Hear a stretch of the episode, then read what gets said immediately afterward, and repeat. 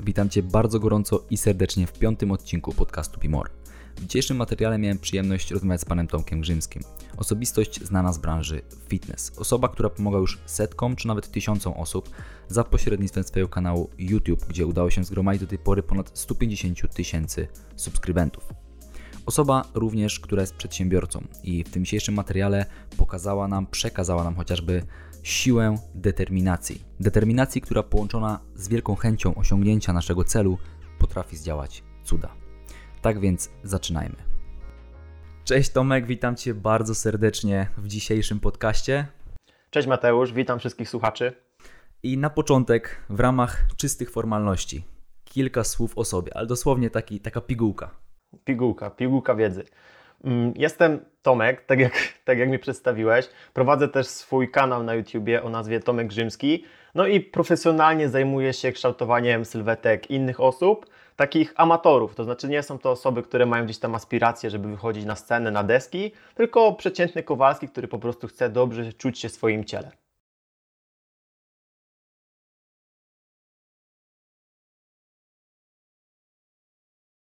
Okej, okay, i Oczywiście na tym etapie już, ja o tym od razu wspomnę, że ten kanał jednak e, jest oblegany, można powiedzieć, bo teraz już będzie 150 tysięcy subskrybentów, czy jeszcze nie? No prawie, 149 teraz, jak rozmawiamy. E, I ta liczba stale narasta. I teraz moje pytanie, od czego to wszystko się zaczęło? Skąd w ogóle taki pomysł? Skąd taka myśl? Czy to był jakiś e, impuls, czy to już było planowane przez jakiś czas, żeby zacząć dzielić się e, tym, co, co wiesz? To znaczy, ja ze sportem jestem związany od małego dziecka, można powiedzieć. Nigdy nie mogłem usiedzieć w miejscu, zawsze musiałem gdzieś się ruszać, zawsze musiałem biegać, skakać, latać. Miałem miliard pomysłów na siebie i w pewnym momencie, chyba w wieku 12 albo 13 lat, zaczęła się siłownia. To też zaczęło się od kolegi, który gdzieś tam czytał jeszcze jakieś kolorowe magazyny. Kiedyś tylko czerpało się wiedzę właśnie z jakichś gazet, nie było tak szeroko dostępnej wiedzy jak teraz, mm, więc on tam wszedł w posiadanie jakiejś gazetki o właśnie o siłowni, o kulturystach, no i namówił mnie na to, żeby pójść na tą siłownię. No i tak ta przygoda się zaczęła właściwie, czyli gdzieś w wieku już 13 lat zacząłem trenować. Z tym, że wiadomo, to było bez ładu i składu. W międzyczasie były długie przerwy, powiedzmy rok nie trenowałem, potem wracałem na tą siłownię. W międzyczasie też były inne sporty, jak sporty walki, wioślarstwo, bieganie, pływanie. Także no, tego było naprawdę mnóstwo. No ale zawsze najbardziej ciągnęło mnie do tej siłowni, do kształtowania sylwetki, zawsze do przerzucania tych klamotów i to było dla mnie um, taką największą zajawką. I w pewnym momencie, um, to było chyba 4 albo 4 lata temu, jakoś tak, um, stwierdziłem, że chcę wejść na wyższy poziom, że chcę robić to bardziej mm, profesjonalnie, chcę zrobić najlepszą swoją sylwetkę jak do tej pory, no bo ciężko było jeszcze w tamtych czasach właśnie dokopać się do jakiegoś takiego prawilnego źródła wiedzy. Ktoś, kto by ci przekazał od A do Z, co jest prawdą, a co nie. Wtedy dominował jeszcze taki czas, w którym jadło się tylko ryż i kurczak, tonę suplementów, zanim w ogóle zaczniesz, setki godzin cardio. To nie było dla ludzi. Wtedy, jak jeszcze mm, właśnie próbowałem coś ze sobą zrobić, no i zgłosiłem się te 4 lata temu do, do Szmeksa, który właśnie wskazał mi tą drogę, że to dieta jest dla Ciebie, a nie Ty dla niej, że można to zrobić łatwymi metodami, że to może być dla człowieka, a nie, że trzeba się temu w 100% poświęcać, bo też nie jesteśmy zawodowcami.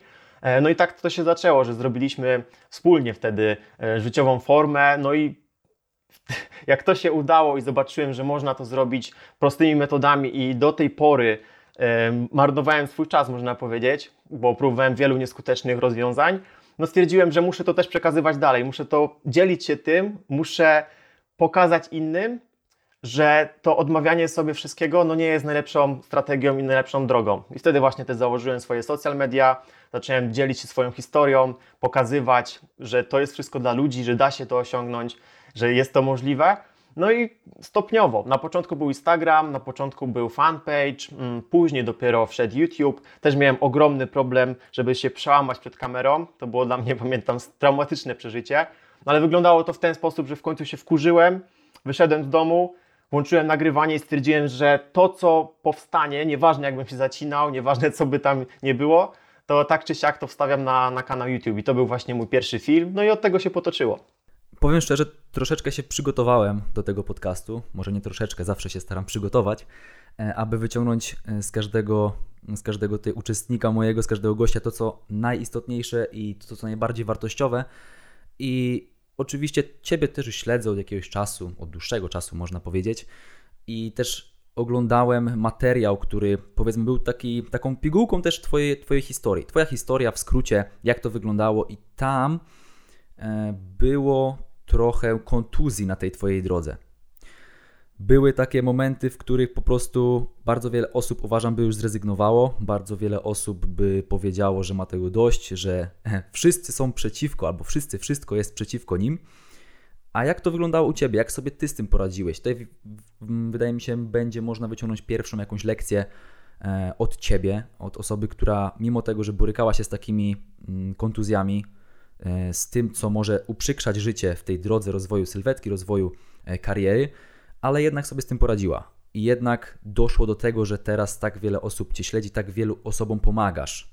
Bo nie wiem, czy sam spodziewałeś się, że czekaj, dokładnie rok i 10 miesięcy, czy 9, żeby teraz nie skłamać, i około 100 tysięcy subskrybentów było już na kanale, także 100 tysięcy osób, które gdzieś tam Tobie zaufało. Powiem tak, mm, jak już sobie coś postanowię, to nie ma takiej opcji, żebym się poddał. I może to trwać 3 lata, może to trwać 10 lat. Dla mnie to nie ma znaczenia. Naprawdę ten czas totalnie gra drugą planową rolę nie ma takiej opcji, żebym się poddał w momencie, kiedy wcześniej wytoczy, wytoczyłem sobie jakieś postanowienie, wyznaczyłem sobie jakiś cel i no nieważne, co się nie wydarzy po drodze, jakie duże komplikacje nie powstaną, tak czy siak będę do tego dążył. I tak samo właśnie było w przypadku tej kontuzji, o której wspominałeś. Miałem zerwany biceps i to było w okresie okołoświątecznym, gdzie jeszcze nie mogłem znaleźć nikogo, kto by mi ten biceps przyszył. Oczywiście na NFZ to nie wchodziło w ogóle, mm, nie było takiej opcji, żeby to zrobić na NFZ, więc musiałem szukać w święta jakiegoś chirurga, który by się zgodził jeszcze operować tuż przed Wigilią, co było karkołomnym przedsięwzięciem, bo też w momencie, kiedy bym przeczekał to, to potem to przeszycie byłoby zdecydowanie trudniejsze i też mogłyby pojawić się jakieś inne komplikacje. Więc to wyglądało tak, że po prostu nawet się nie zastanawiałem, tylko od razu sprawdziłem ze 100 albo 150 numerów, obdzwoniłem pół Poznania i też jeszcze okolice Poznania. Już nawet byłem umówiony na zabieg w Warszawie, żeby kogoś po prostu znaleźć. Też oczywiście no, wtedy pieniądze nie wchodziły, mm, no, nie chciałem się ograniczać i mówiłem wprost, że po prostu jestem w stanie zapłacić dużo więcej, byle tylko, żeby jak najszybciej to zrobić. No i właśnie to jest ta determinacja. Wiedziałem, że no nie mogę się poddać, nie mogę odpuścić, że, że muszę kogoś znaleźć. No i tak cudownym trafem pan Andrzej Kociałkowski, profesor, zgodził się operować tuż przed Wigilią, co było naprawdę dla mnie no, czymś niesamowitym. To był dla mnie gwiazdor przed świętami. Osoba, która no, zainteresowała się tym moim losem, widziała, że mi zależy i postanowiła mm, to zrobić. Potem na, na, kolejny dzień już miała wylot do Londynu, tam do swojej rodziny. Także też w biegu to wszystko e, zrobił ten pan profesor. Bardzo mu serdecznie za to dziękuję. No i właśnie no, to jest ta determinacja, czyli no, nieważne co się nie wydarzy, no, trzeba jakoś dążyć do tego celu i w momencie, kiedy sobie coś wyznaczasz i w głowie sobie poukładasz, że ten cel jest dla Ciebie istotny i chcesz to robić, to myślę, że wtedy bardziej też się, się, koncentrujesz na tej drodze, czyli nie tylko to, co tam czeka na ciebie w oddali, ta upragniona nagroda, tylko też cała ta droga, która jest po drodze. Wszystko, co się z tym wiąże. I jasne, będą zloty, będą upadki, ale to też strasznie hartuje, strasznie uczy i pomaga również pokonywać samego siebie, bo myślę, że to jest najistotniejsze że mamy różne głosy w naszej głowie, głosy, które powiedzą, że a to się nie uda, to nie ma sensu, po co ty to w ogóle robisz? I uwierzcie mi, że to ma każdy, każda osoba.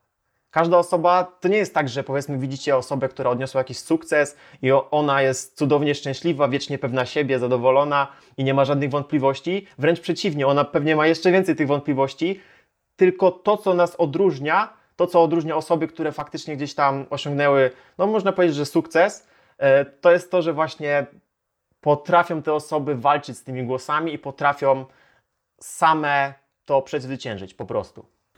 Bardzo fajna odpowiedź.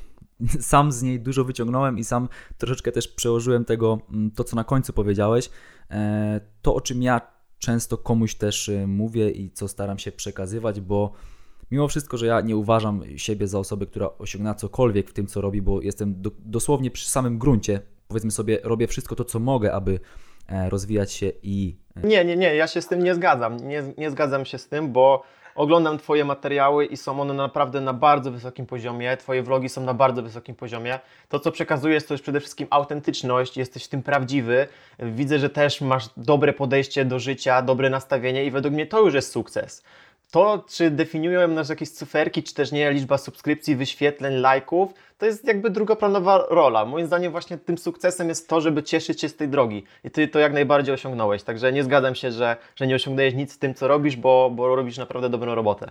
No to dziękuję bardzo. Czy jeśli chodzi o to, to na pewno jestem z tego bardzo zadowolony. E, właśnie o to podejście, o to e, swego rodzaju wyłamanie się ze schematu takiego mm, standardowego, że próbuję robić coś innego, staram się też zarażać tym inne osoby, szczególnie takich moich rówieśników, e, którzy mm, mogą być jeszcze pogubieni, bo ja sam jestem i nie uważam, aby w powiedzmy wieku 20-21 lat, 22 wiedzieć dokładnie, co chce się w życiu robić. Tak, ja będę robił to i to, e, ja będę robił to i to do końca, bo być może na tej drodze jeszcze wszystko się pozmienia, być może będą różne inne okoliczności, do których trzeba będzie się przystosować. E, I na pewno mm, cieszę się z tego, że też dużo osób daje mi takie sygnały z zewnątrz, mówiące o tym, że e, gdzieś tam ich to inspiruje, gdzieś tam nadaje im to takiego, mm, takiej większej energii do próbowania różnych rzeczy, do podejmowania większego ryzyka, do ponoszenia również porażek, bo to z nich się na pewno bardzo dużo uczymy. E, także okej, okay, będę teraz sądził, że to jest swego rodzaju sukces dla mnie.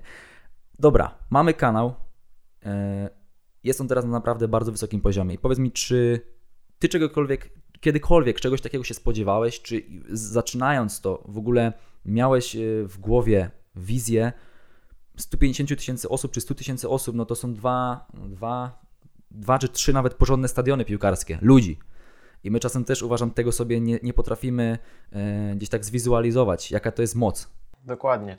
I tak samo no, każde tysiąc wyświetleń, jak sobie to zwizualizujesz i wyobrazisz sobie te osoby, które gdzieś tam siedzą na sali i Cię słuchają, to tysiąc wyświetleń na YouTubie to jest naprawdę coś.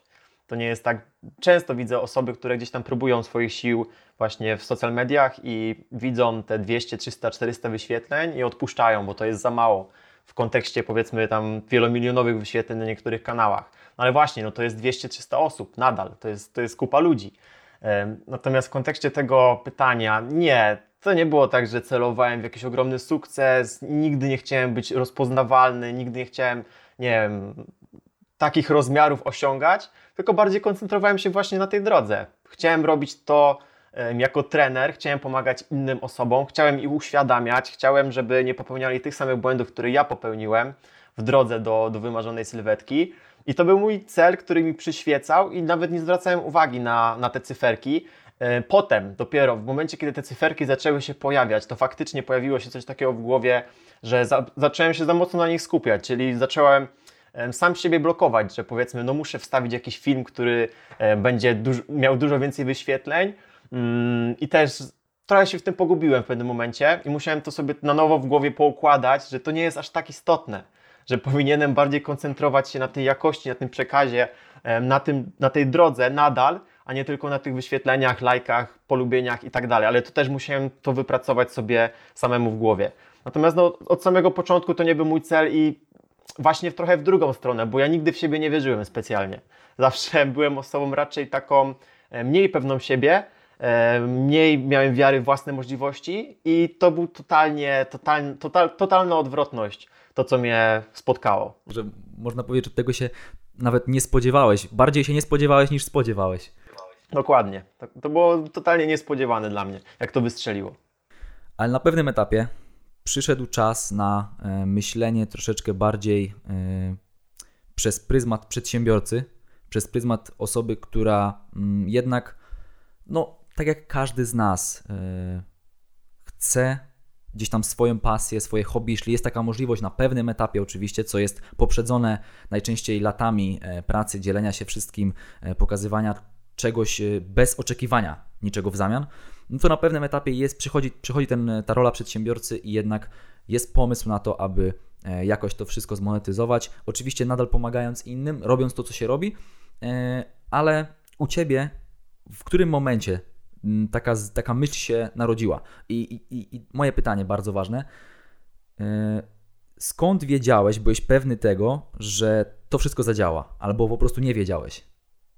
Bo ja teraz jestem, ja, ja też powiem szczerze, jestem teraz na takim etapie, gdzie próbuję coś robić i mam mnóstwo właśnie, tak jak Ty mówiłeś, że te osoby, które dużo robią, też mają o wiele więcej wątpliwości niż o wiele mniej, niż jak to się niektórym wydaje. I też mam mnóstwo wątpliwości, czy aby e, czegoś nie pominąłem, czy czegoś nie ma za mało, czy czegoś nie ma za dużo, czy na pewno każdy wyciągnie z tego to, taką wartość, którą ja chciałbym przekazać. No te wątpliwości nigdy nie znikają. Jedynie można uczyć się z nimi radzić one zawsze się będą pojawiały i nie ma takiej opcji, żeby mieć czystą głowę wchodząc w jakikolwiek projekt i też no, nigdy nie przewidzisz, jak to wypali albo nie wypali. No, to jest element życia. Nie przewidzi się tego, czy to odniesie sukces, czy też okaże się kompletną klapą i też my nie jesteśmy od tego, żeby decydować.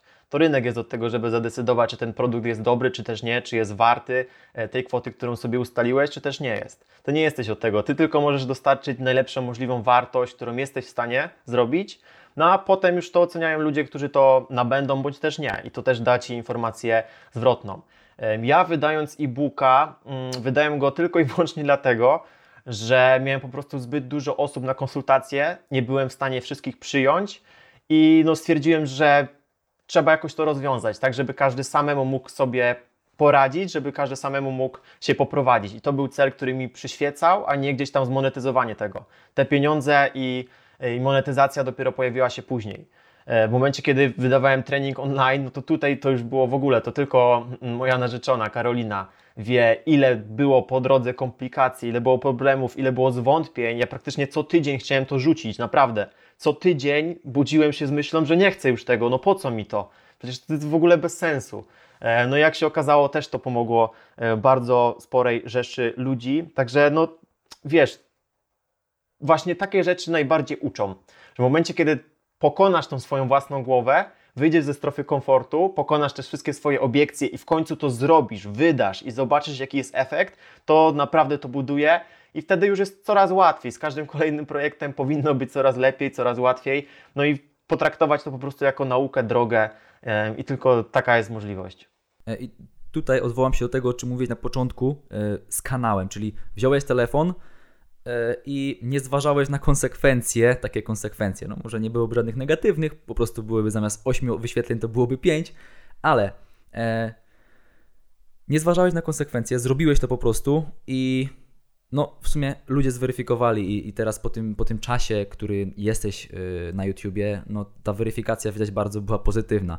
Także y, ja też nagrałem ostatnio taki podcast w sumie osobiście, mówiący o tym, żeby mm, zachowywać się tak troszeczkę jak jak taki życiowy drapieżnik, e, czyli taki, który ma swój cel, idzie do niego, nie zważa, kto jest dookoła, co się dzieje, jakie są tego właśnie konsekwencje, e, co kto może powiedzieć na ten temat, tylko po prostu ma cel, idzie do niego, robi swoje i później zobaczy, co się z tego wydarzy. I czy ty też takimi instynktami się tutaj kierujesz? Mimo tego, że e, nie, nie byłeś taki aż pewny siebie, to właśnie takie, takie rzeczy mm, jeszcze podbudowały tą Twoją pewność, no i teraz jest o wiele łatwiej, uważam. Ale czy, czy na początku było coś takiego? Znaczy, tutaj są różne metafory, właśnie tak jak powiedziałeś, albo że, że jest, jest taki drapieżnik, albo też można odwołać się do metafory, że po prostu życie to gra. Nie wiem, czy, czy... To jest moja, to jest jedna, jedna, tak, jedna z moich ulubionych też. No po prostu życie to gra, e, tak, w sumie nieważny jest ten końcowy efekt, tak czy siak po prostu chcemy e, uzyskać najlepszy wynik w danym okresie i też wtedy to przychodzi trochę łatwiej, w momencie, kiedy trochę sobie poukładamy w głowie, że nawet jeżeli ta porażka się przydarzy, to i tak w szerszej perspektywie, w perspektywie całego życia, to nie ma absolutnie, ale to absolutnie żadnego znaczenia. Bo kto będzie rozpamiętywał porażkę za 20 lat? Powiedzmy. Czyli teraz powiedzmy, nie wiem, wydajesz e-booka, jakiś swój program, cokolwiek, okaże się to klapą, no ale dobra, no będziesz to przeżywał powiedzmy przez tydzień, dwa, no ale za 20 lat nie będziesz w ogóle o tym pamiętał. A już ten e-book mógł Ci dostarczyć jakieś informacji, że to, co zrobiłeś, nie było odpowiednio dobre, albo też dostarczyć Ci informacji, że byłeś w stanie sam siebie pokonać i też uczysz się z tego, zdobywasz doświadczenie i to właśnie w perspektywie tego całego Twojego życia no jest najistotniejszą lekcją i najistotniejszą rzeczą, którą można robić, czyli pokonywanie samego siebie. A tak czy siak ten wynik końcowy za 20-30 lat, no who cares? ale oczywiście tutaj trzeba wziąć pod uwagę, że to my musimy wychodzić z taką bardziej długoterminową wizją, e, bo też ty wiem, że troszeczkę zajmujesz się takimi sprawami, znaczy zajmujesz się, może bardziej interesujesz się, czytasz o tym e, troszeczkę związanymi z naszą świadomością, z psychologią, tak? E, I, i, i teraz mm, też był taki materiał krótki na Twoim kanale, który chyba był tak nagrany spontanicznie, ale fajnie to wyszło, odnośnie takiej motywacji. I teraz, czy Ty uważasz, że jednak yy, patrząc te 20 lat w przód, aby utrzymać się na tej drodze, która no, nie jest usłana różami, tylko jest góra, dół, góra, dół, yy, porażki, sukcesy i tak dalej, bo o tym też mówiliśmy, yy, to czy właśnie tutaj motywacja jest tak naprawdę niczym w porównaniu do tej inspiracji, tą Twoją wizją długoterminową. Czy uważasz, że to musi być, aby wytrwać? No właśnie tutaj zależy kto, kogo co motywuje. Bo na przykład mnie perspektywa 10 czy 20 lat zupełnie nie motywuje, zupełnie mnie nie nakręca, bo tak jak też powiedzieliśmy wcześniej, no nie jesteśmy w stanie przewidzieć tego, co się wydarzy nawet jutro, a co dopiero w perspektywie 10 czy 20 lat. Więc ja no, nie myślę w żaden sposób tak aż długoterminowo, tylko bardziej skupiam się na, na chwili obecnej, na tej drodze. E, myślę, oczywiście planuję tam w perspektywie e, kilku miesięcy, może maksymalnie dwóch, trzech lat, ale na pewno nie dalej bo uważam, że tego się po prostu nie przewidzi. Nie mam pojęcia, co będę robił za 10 lat, za 15 lat, jak to się wszystko zmieni, biorąc pod uwagę, jak zmieniła się teraz technologia i że 10 lat temu nie było czegoś takiego jak influencer, nie było czegoś takiego jak w ogóle um, youtuber praktycznie, to dopiero raczkowało co dopiero trener online. I to wszystko się na tyle szybko zmienia, że no, po prostu nie da się tego przewidzieć i też dlatego nie staram się tworzyć takich wizji, bo tracę energię na to, a mógłbym to spożytkować inaczej, czyli właśnie na tą chwilę obecną i w perspektywie dwóch, trzech miesięcy wykonać jak najlepszą robotę, skupić się na tej drodze mm, i tyle, po prostu. Także nie, dla mnie ta koncentracja właśnie e, na takiej węższej perspektywie jest motywująca i no to jak na razie się sprawdza. No tak, do każdej sytuacji e, uważam, sztuką jest umieć się przystosować. Tak jak powiedziałeś o tym, że, że dużo się zmieniło, są może nie nowe, nowe zawody, ale w takim dużym cudzysłowie te zawody, e, czyli youtuber, można być influencerem, gdzie powiedzmy sobie dla niektórych osób, m, które są starszej daty, jest to abstrakcja. Całkowicie tego nie rozumieją. Kompletnie dla nich to jest kosmos. I, i, I też właśnie nie wiadomo, co będzie za 4, 5, 6 lat, za 2, 3 lata nawet. E, dlatego też e, ja staram się często mówić o tym, żeby e, robić dużo tutaj dzisiaj, czy tam właśnie w perspektywie tygodnia, miesiąca, zaplanować sobie takie te małe czynności, ale być gotowym na to, że to wszystko może się zmienić za 2-3 lata i, i to też trzeba gdzieś tam mieć na uwadze. Bo, bo, bo jednak no, ten świat rozpędza się z roku na rok. Naprawdę rozpędza się z roku na rok, nie wiadomo gdzie nas to zaprowadzi. A czy ty siebie widzisz w jakiejś innej roli za jakiś czas? Tak, no to jeszcze się odniosę do tego, co powiedziałeś, że obecnie, kiedyś to było tak, że faktycznie w momencie, kiedy ktoś szedł na studia, to miał pewność, że po skończeniu tych studiów będzie miał pracę i na 90% będzie pracował w tym zawodzie, którym, do którego się przygotował przez resztę swojego życia. Natomiast obecnie, idąc na studia, nie mamy absolutnie żadnej pewności, że ten zawód za 10 lat nie zniknie. Nawet da się obecnie, są już takie pomysły, żeby zastąpić lekarza rodzinnego, że będą to algorytmy, które będą odpowiadały e, na nasze ciśnienie krwi, będzie pomiar e, tych wszystkich różnych parametrów, to wszystko będzie zbierane w jakiejś tam bazie danych i na tej podstawie będą dostosowane leki i tak dalej, tak dalej. Także w perspektywie 10-15 lat coś takiego jak lekarz rodzinny też może już nie istnieć. Więc no, wszystkie zawody to może dotknąć, dlatego właśnie to planowanie według mnie takie długoterminowe, no nie ma jakiegoś większego swojego zastosowania. Ehm, natomiast jakie było to Twoje pytanie, bo to taka dygresja. W związku z tym, że nie wiadomo co będzie za te 2-3 lata, to czy Ty już teraz e, myślisz o tym, e, co możesz robić, czym się możesz zajmować? Czy to będzie dalej to samo uważasz, czy jednak, y, czy może już teraz szukasz czegoś innego? Nie, nie, nie. W żadnym wypadku nie szukam czegoś innego i zawsze chcę podążać za tym, co sprawia mi największą frajdę teraz. Czyli w momencie, kiedy bardzo mocno nadal fascynuję się treningiem, teraz obecnie najbardziej treningiem zdecydowanie, e, no to chcę dalej to robić, chcę nagrywać treści tego typu. Pasjonuję się również marketingiem, psychologią, właśnie takim podejściem mm, mindfulness, też ogólnie świadomością e, i wszystkimi rzeczami, które się z tym wiążą. I też chcę właśnie to wprowadzić na kanał, e, na ten drugi kanał Efekt Marketingu. I chcę się też kształcić i rozwijać właśnie w tym temacie. Natomiast nie mam żadnego planu B. I myślę, że właśnie to, co powiedzieliśmy też kilka wypowiedzi wcześniej, że trzeba po prostu mieć tą możliwość i umiejętność adaptowania się, i jest to potrzebniejsze niż kiedykolwiek wcześniej w historii ludzkości.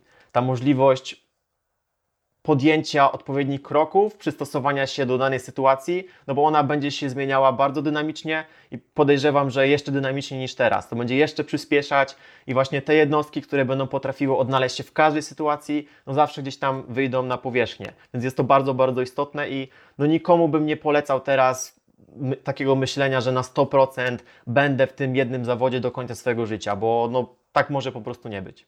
No tak, ja się z tym, ja się z tym całkowicie zgadzam. Całkowicie z tym zgadzam, bo e, sprawa wygląda następująco. No, no, teraz jednak wiele młodych osób y, próbuje swoich sił na powiedzmy jakichś uczelniach, studiach i oczywiście ja, ja pod żadnym pozorem tego nie neguję, e, ale właśnie gdzieś tam ja zawsze, jeśli ktoś pyta się mnie, dlaczego ja nie wybrałem się na studia, dlaczego ja tego, dlaczego ja zdecydowałem się e, na inną drogę, e, no to ja właśnie nie, nie mówię, że żeby iść, żeby nie iść, bo zostawiam tą, tą, tą, tą decyzję zostawiam każdemu indywidualnie, ale żeby zawsze z tyłu głowy właśnie mieć to, o czym mówisz, e, czyli że świat pędzi jak szalony i, i żeby umieć się odnaleźć, czyli nie płakać nad rozlanym mlekiem, czyli coś się stało i teraz powiedzmy to, co robię już e, nie przynosi mi e, powiedzmy sobie dochodów, nie przynosi mi tego, czego oczekuję.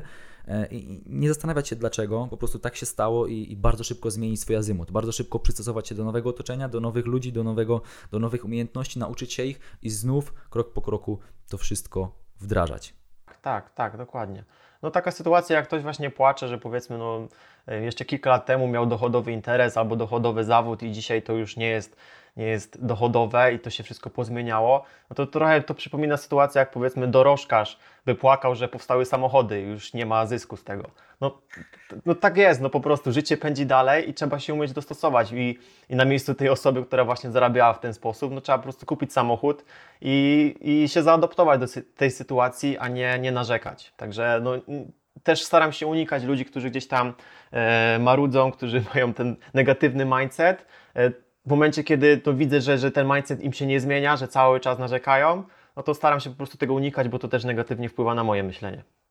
A, fajny temat. O, widzisz, teraz troszkę zmienię mój plan i zapytam o tych ludzi. Czy ty miałeś w swoim życiu coś takiego, że musiałeś ze swojego otoczenia um, może nie wybierać, po prostu usunąć, prosto z mostu, usunąć niektóre osoby, które gdzieś tam uprzykrzały ci swoją drogę albo miały po prostu inną wizję na siebie, mimo tego, że, że było, byli to twoi znajomi, byli to twoje, nie wiem, nawet rodzina być może. E, jak to wyglądało u ciebie? Czy, czy zawsze ta droga była, jeśli chodzi o takie wsparcie, e, odpowiednia, czy, czy, czy jednak musiałeś też z tym walczyć? Nie, zdecydowanie. Miałem w pewnym momencie taki etap, że musiałem odciąć się od wszystkich swoich dotychczasowych znajomych, bo no, kwestia priorytetów była zupełnie inna, zależało mi właśnie na rozwoju na tym, żeby mm, robić coś po swojemu, a nie iść tą drogą właśnie takiego, no można powiedzieć wprost, melanżowania od weekendu do weekendu. Więc nie, no w pewnym momencie trzeba było się odciąć, trzeba było podjąć tą decyzję, że okej, okay, zostaję samemu, ale miałem tą świadomość, że w momencie, kiedy mm, przyjmę tą inną ścieżkę, to też w pewnym momencie na tej ścieżce pojawią się osoby, które będą mnie wspierać, które będą miały takie same myślenie jak ja, które będą miały tak samo poukładane w głowie i będzie im zależało na tym samym i na takich znajomościach mi bardziej zależało niż na tamtych. Więc tak, no była taka decyzja, decyzja w pewnym momencie i myślę, że, że każdy musi ją podjąć w momencie, kiedy e, no chyba, że ktoś miał po prostu farta, urodził się już od początku w takim środowisku mocno wspierającym, mocno optymistycznym i rozwojowym, ale myślę, że to jest rzadkość, że raczej ta polska mentalność jest jest taka, że większość osób e, gdzieś tam narzeka, marudzi na swoją sytuację i trzeba po prostu się od tego odciąć, jeżeli chcemy się rozwijać. Okej, okay, dziękuję Ci bardzo za tą odpowiedź, bo, bo to e, też uważam dla niektórych osób może być e, bardzo wartościowe, mm, żeby kolejna osoba potwierdziła to, że na pewnym etapie żyjemy w kontraście. Albo chcemy zrobić coś e, więcej, coś dla siebie, no i jednak odcinamy się od tych osób, które są takimi, mm, że tak się brzydko wyrażę, rozpraszaczami, po prostu mają inne wizje, inną, inną wizję świata i życia. E, no i trzeba wybrać albo czarne, albo białe, e, bo ja też właśnie wspominam często o tym, że jednak nasze życie, powiedzmy sobie prywatne, E, relacje z partnerką, relacje z żoną, relacje z, z rodziną, taką bliską, mogą być bardzo kolorowe i tam oczywiście trzeba na pewne kompromisy chodzić, trzeba się umieć dogadać, trzeba się umieć porozumieć, aby e, to wszystko fajnie funkcjonowało i nam się przyjemnie żyło, ale w takim życiu mm, bardziej zawodowym, że tak to nazwę, jest kontrast, także albo chcemy, albo nie chcemy, albo my to robimy, e, jest decyzja i robimy, albo no jednak szukamy jakichś tam usprawiedliwień, ich chociażby ze znajomymi, e, czyli znamy się już tyle czasu, coś tam, coś tam e, i zawsze szukamy jakiegoś tam usprawiedliwienia, żeby jednak e, nie ucinać tych relacji, a fajnie, że wspomniałeś o tym, że u Ciebie też tak było, no i niektóre osoby być może też postawią taki krok i zdecydują się na to, żeby jednak iść tą swoją drogą. Tutaj bym dodał taki element, że mm, po prostu trzeba w pewnym momencie sobie to ułożyć w głowie na tyle i też nie, nie bać się bycia przez pewien czas samemu. Bo myślę, że to jest ten strach, który blokuje większość osób przed podjęciem tego typu decyzji, że panicznie boją się zostać samemu. A samotność na pewnym etapie nie musi być wcale taka zła. I no tak jak mówiłem, no też pojawią się potem ludzie, którzy będą myśleli tak jak ty, no ale pewien etap samotności też może się pojawić, ale też to nie jest coś, co trzeba jakoś, nie wiem, niesamowicie unikać, bo najbardziej kreatywne pomysły, najlepsze, e, często przychodzą właśnie w samotności, więc nie ma tego złego. Tak, uważam, że, że taki etap samotności jest fajny pod kątem mm, głębokiego poznania samego siebie. Yy, takie, takiego, wiesz, takiego, takiego poznania, poznania e, swoich też słabości, swoich silnych stron, tego właśnie, w którą stronę chcemy zmierzać, jak chcemy, aby nasze życie wyglądało, e, taki czas rozkmin może życiowych też, e, a no później uważam też, że, że mm, oczywiście trzeba się też na tych ludzi eksponować, tak jak powiedzmy ja tutaj tak troszeczkę powiem, że też w ten sposób właśnie staram się działać, no i chociażby podcast po to, żeby móc, żeby mieć taką możliwość porozmawiać właśnie z takimi osobami jak, jak Ty, czy, czy, czy rozmawiałem też z Piotrkiem Tomaszewskim, z Marcinem Osmanem, który gdzieś tam e, też w swojej dziedzinie jest dosyć e, dobry, po prostu jest dobry, robi, robi, to, robi dobrą robotę. E, no i, i jednak na tych ludzi też trzeba się, trzeba się eksponować, a oni, jeśli będą mieli to, to, to zostaną. Tak, i to jest bardzo mądre też, co powiedziałeś, bo też jak kogoś poznaję, to staram się zawsze coś od niego wyciągnąć nawet jeżeli pozornie wydaje mi się, że powiedzmy nic się o tej osobie nie nauczę, to koniec końców okazuje się, że jednak coś tam mogłem wyciągnąć i no, to eksponowanie się jest jak najbardziej świetnym pomysłem. To są przysłowia, które faktycznie się spra sprawdzają, typu z kim przystajesz, takim się stajesz i no, tutaj jest też ziarenko prawdy. Ja też u siebie doskonale e, to zauważyłem na przestrzeni ostatnich e, dwóch, trzech lat, porównując nie porównując, nie chodzi o takie porównywanie się, kto jest lepszy, kto jest gorszy, e, tylko porównując y, to, na jakim etapie aktualnie jestem, co robię, w, którym kierunku może staram się zmierzać do właśnie no, niektórych rówieśników, z którymi nie utrzymuję gdzieś tam jakichś bliskich kontaktów, e, bo ta, ta wizja po prostu się gdzieś tam rozeszła. E, nie, ja też na początku byłem, byłem traktowany jako taki, taka osoba, która... Mm, nie wiadomo co robi, która próbuje e, gdzieś tam się wywyższyć, chociaż w ogóle czegoś takiego nie było w mojej głowie. Po prostu robiłem coś poza schematem i oczywiście dla bardzo często bliskich osób było to już coś nie tak, bo tego albo nie rozumieli, albo nie chcieli tego zrozumieć. O, w ten sposób. I na pewno dla mnie też, powiedzmy, to było ciężkie, mm, ale jakoś udało mi się szybko z tym uporać. I też chciałbym, chciałbym to przekazać tutaj, aby, aby inne osoby również się z tym uporały no i, i, szły własną drogą, mimo tego, że będzie przez pewien czas, przez pewien czas samotna. Dobra, jeszcze jedno pytanie yy, o medytację, bo to jest temat, który mnie bardzo interesuje. Ja powiem szczerze, próbowałem parę razy się na chwilę wyciszyć i jest to bardzo trudne, dla mnie przynajmniej. Także ogólnie wiem, że Ty y, jesteś troszkę związany z tym, tak? Tak, tak, tak. Mhm. Pośrednio można powiedzieć. Praktykuję.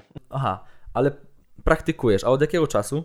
Jest to, no teraz obecnie miałem krótką przerwę, ale stopniowo staram się wracać do tego. E, natomiast no, można powiedzieć, że zainteresowałem się tym jakieś 8 miesięcy temu, jakoś tak. Także jestem świeżakiem w tym, w tym temacie, aczkolwiek no, bardzo mnie to też na tyle zaciekawiło, że przeczytałem sporo książek i sporo artykułów, podcastów i tak dalej, także no, coś na ten temat też wiem. No właśnie, właśnie chodzi mi o to, że mm, dużo osób, powiedzmy sobie, mm, które gdzieś tam przez nasz pryzmat mogą być uznawane za osoby sukcesu, które gdzieś tam dosyć sporo w swoich dziedzinach w życiu osiągnęły. No i często spotyka się to, że te osoby też praktykują właśnie e, taką medytację. I to też był dla Ciebie taki zapalnik, żeby spróbować? Być może pomóc, y, pomoże to, że, że być może pomoże, być może pomoże. E, być może pomoże to Tobie wejść na wyższy level jeszcze, nie wiem, swojego, swojej kreatywności i tak dalej? Nie, nie, nie. To, to, nie był cel, który mi przyświecał. Po prostu y, natrafiłem na książkę, y, można podlinkować w opisie, to Ci potem prześlę, gdzie był właśnie zbiór badań a propos medytacji. I strasznie mnie to zafascynowało, że faktycznie jest literatura naukowa, która jednoznacznie stwierdza, że medytacja jest pomocna w redukowaniu stresu, napięć, ogólnie szeroko pojętego well-being, czyli takiego samopoczucia.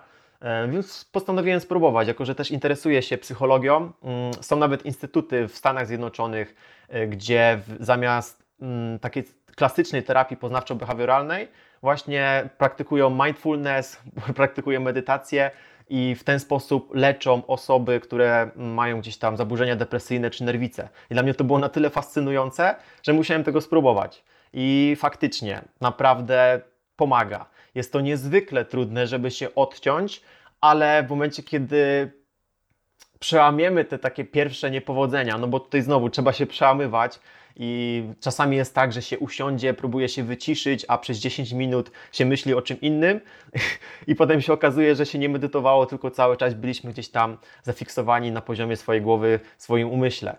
I takie, takie medytacje w cudzysłowie też się zdarzają, ale po prostu trzeba na kolejny dzień zrobić to samo i starać się być po prostu coraz lepszym. I tutaj niczym się to nie różni, ta umiejętność od każdej innej umiejętności i też medytacji da się nauczyć i w pewnym momencie możemy z zadziwieniem spojrzeć na to, że faktycznie mm, przez kilka minut udało nam się o niczym nie myśleć. I jest to najpiękniejszy stan, jaki można osiągnąć. Naprawdę najpiękniejszy stan. I myślę, że właśnie mm, w kontekście tego, co powiedziałeś, że, że ludzie sukcesu bardzo często właśnie mówią o tej medytacji, że im pomaga. E, ja mam taką swoją teorię, że to jest z tego względu, że właśnie takie osoby bardzo często do czegoś dążą, czyli mają jakieś tam swoje cele, dążenia, cały czas jest ten rozwój, cały czas jest biznes, pieniądze, tysiące różnych spraw, a medytacja to jest właśnie odwrotność tego, czyli coś, co pozwala się odciąć, coś, co pozwala spojrzeć z zupełnie innej perspektywy. To jest przeciwstawny biegun, bo w medytacji nie chcemy nic osiągać, chcemy po prostu być. I myślę, że to jest takie fascynujące dla tych osób. No, czyli całkowita odwrotność tego, z czym mają do czynienia na co dzień. Co nie, czyli ten bieg, ten bieg, ten pęd, ciągle rozmyślanie, ciągle planowanie. E, a tutaj po prostu odcinamy się totalnie od wszystkiego i, i, i mamy, mamy wolny umysł, mamy czysty umysł. To ja powiem szczerze, muszę też się nad tym bardzo pochylić i próbować, bo teraz jestem taką osobą, która ma y, za dużo myśli, ewidentnie za dużo myśli. Nie wiem, czy mi to kiedyś przejdzie ale myślę, że to jest przypadłość właśnie osób, które cały czas się rozwijają, że non-stop coś w tej głowie się kotuje i medytacja pozwoli właśnie zwolnić to, tą zapadkę, że w pewnym momencie tam nie ma nic, jest pustka. Jest to naprawdę piękny stan, no bo tak cały czas jesteśmy zabiegani, cały czas pogrążeni w przyszłości, a medytacja właśnie polega na tym, żeby być tu i teraz. I nie próbuj nigdy na siłę nic osiągać medytacją, tylko właśnie bądź. I to jest cholernie trudne, i może to brzmieć trochę tak, no nie wiem, szamańsko i tak dalej, ale naprawdę jest podkładka naukowa pod to wszystko. To jest właśnie informacja dla osób, e, które nie są przekonane. I warto spróbować, naprawdę warto spróbować, zwłaszcza jeżeli ktoś ma tysiące myśli i z tego też względu ma różne napięcia nerwowe, bo jest to też stresujące, jeżeli cały czas jesteśmy w przyszłości. Super, dziękuję Ci bardzo. To mnie jeszcze bardziej utwierdziło w tym, w tym całym przekonaniu e, do, do, do, tej, do tej sprawy. Ostatnia rzecz. E, krótko i na temat. Rzecz, którą ty robisz, jak postępujesz każdego dnia, aby stawać się lepszą osobą względem samego siebie, dzień po dniu. Jedna mała czynność. Znaczy, myślę, że to jest szereg różnych nawyków. Przede wszystkim czytanie książek. W zeszłym roku przeczytałem ponad 30 publikacji, co było też moim rekordem, więc myślę, że, że, że naprawdę to otwiera horyzonty i polecam każdemu zacząć czytać tą jedną książkę miesięcznie. To będzie już naprawdę super wynik. E, myślę też, że pokonywanie właśnie tych barier, to, to o czym mówiliśmy i staram się też um, układać to sobie wszystko w głowie, to znaczy pojawiają się jakieś myśli automatyczne, typu to nie ma sensu, tego nie zrobię, tamtego nie zrobię i też umiem je już, je już rozpoznawać, wychwytywać i walczyć z nimi. Ehm, więc myślę, że, że czytanie książek właśnie i taka taka terapia samego siebie, to znaczy właśnie rozpoznawanie tych myśli i pokonywanie ich każdego dnia, to jest coś, co pozwala mi się rozwijać. Okej, okay. wiedza, wiedza, jeszcze raz wiedza, no i poznawanie samego siebie na nowo, każdego dnia na nowo. Dobra, y, super, dziękuję bardzo Tobie, Tomek, za za znalezienie chwilę czasu dla nas, y, za tą rozmowę. Myślę, że każdy słuchacz wyciągnie z tego to, co najistotniejsze, to, co najważniejsze. Każdy wyciągnie z tego sobie jakąś wartość. Uważam, że troszeczkę jej tutaj przekazałeś. Także cieszę się bardzo. E, no i jeszcze raz dziękuję. Również bardzo dziękuję. Dziękuję wszystkim, którzy przesłuchali do samego końca. Dzięki wielki Mateusz. Na razie, hej. Cześć. No i to już wszystko w tym dzisiejszym podcaście. Mam nadzieję, że każdy będzie w stanie wyciągnąć sobie z niego jakąś lekcję dla siebie jakąś wartość. No i ja z tego miejsca bardzo dziękuję za uwagę, dziękuję za poświęcony czas. Zachęcam, będzie mi bardzo miło, jeśli w zależności od platformy, na której odsłuchujecie, zostawicie łapkę w górę, skomentujecie, zostawicie jakąś recenzję, podzielicie się też ze znajomymi, jeśli właśnie zauważyliście, dostrzegliście tutaj jakąś wartość. Ja się żegnam, dziękuję jeszcze raz. Widzimy się, słyszymy się w kolejnych podcastach, w kolejnych materiałach. Do usłyszenia, do zobaczenia. Cześć.